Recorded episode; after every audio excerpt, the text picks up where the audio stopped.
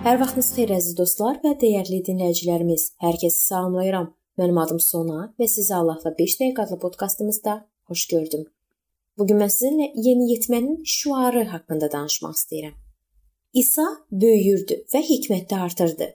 O Allahın və insanların qarşısında lütf qazanırdı. Bu Luka 2:52-də yazılıb. İsa təqlid etmək üçün gənclərə əla nümunə qoyub. İnsan necə böyüməlidir və Allahın zəmisində çalışmağa başlamaq üçün onun səsinə səs verib Allah qarşısında məsuliyyətini necə daha çox dərk etməlidir.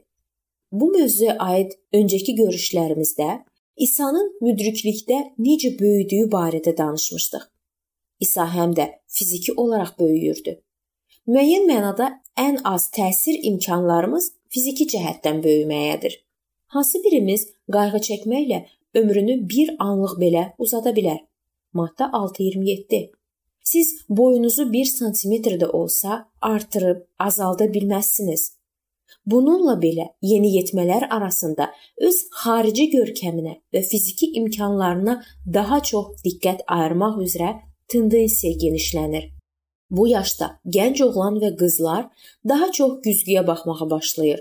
Saç düzümlərinə fikir verir sızanaqlarla mübarizə aparırlar. Yeşaya 53:2-də İsa haqqında deyilir: Baxanda onun nə görkəmi, nə gözəlliyi var idi. Gözümüzü oxşayan zahiri siması da yox idi. Yəni o, zahiri görkəmi ilə başqalarından köklü fərqlənən adam deyil idi.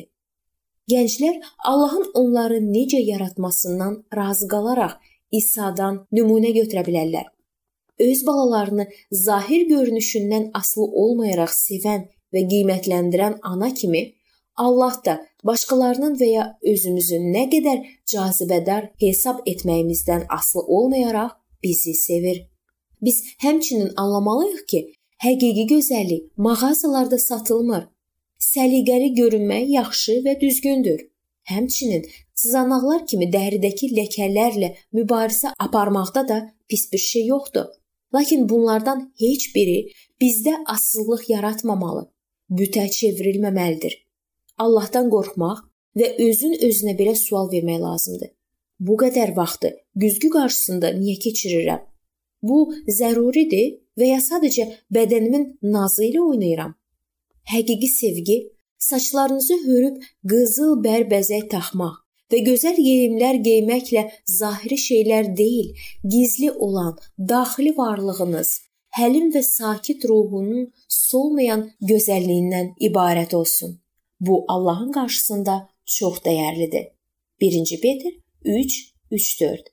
Belə adamı dolduran sevinç hissi və sülh ən sadə və gözə gəlimli olmayan görünüşünü də gözəlləşdirir. İsa Allaha və insanlara sevgidə böyüdü. Allaha sevgidə olmağı ilk yerə qoymalıyıq.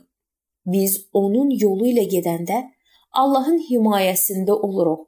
Bu yolda olanda Məsihin ardıcılı olan insanların himayəsində olub onlardan tərif eşidəcəyik. Romalılara 14-18-də yazılıb: Kim belə Məsihə qulluq edirsə, Allahı razı salır və insanların da rəğbətini qazanır. Bu Allahın prinsipi və razılığımızı axtarmaq ardıcıllığıdır. Valideynlərinizə itaat etməklə Allaha və insanlara sevgidə böyüyün. İsa Yerusəlimdən Nazaretə qayıdıb heç də ideal olmayan valideynlərinə itaat etdi. Onlar 12 yaşlı oğlanların dediklərindən çoxunu anlamırdılar. Bunu Luka 2:50-də tapa bilərsiniz. Bundan əlavə İsa həqiqətən də valideynlərindən çox bilirdi.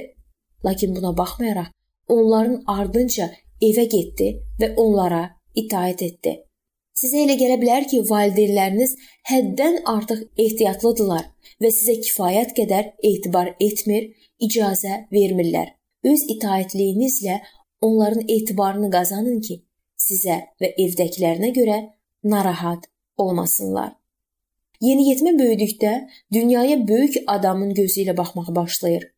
Buna görə də öz valideynlərinin zəif cəhətlərini və çatışmazlıqlarını görməyə başlayır.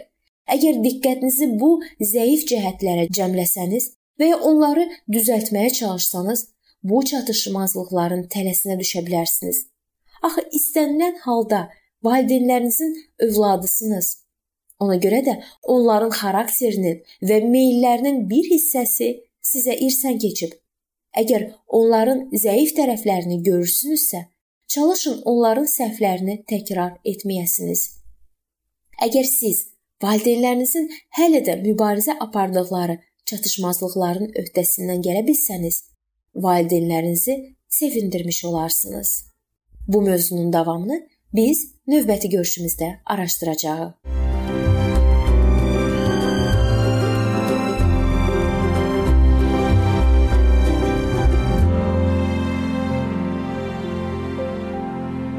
Beləliklə əziz dostlar, bu yerdə bu mövzu sona çatdı. Hər zaman olduğu kimi sizi dəvət edirəm ki, bizim podkastlarımızı Facebook səhifəmizdən və YouTube kanalımızdan dinləməyə davam eləyəsiniz. İndi isə mən sizinlə sağollaşıram və növbəti görüşlərdə görmək ümidi ilə sağ olun, salamat qalın.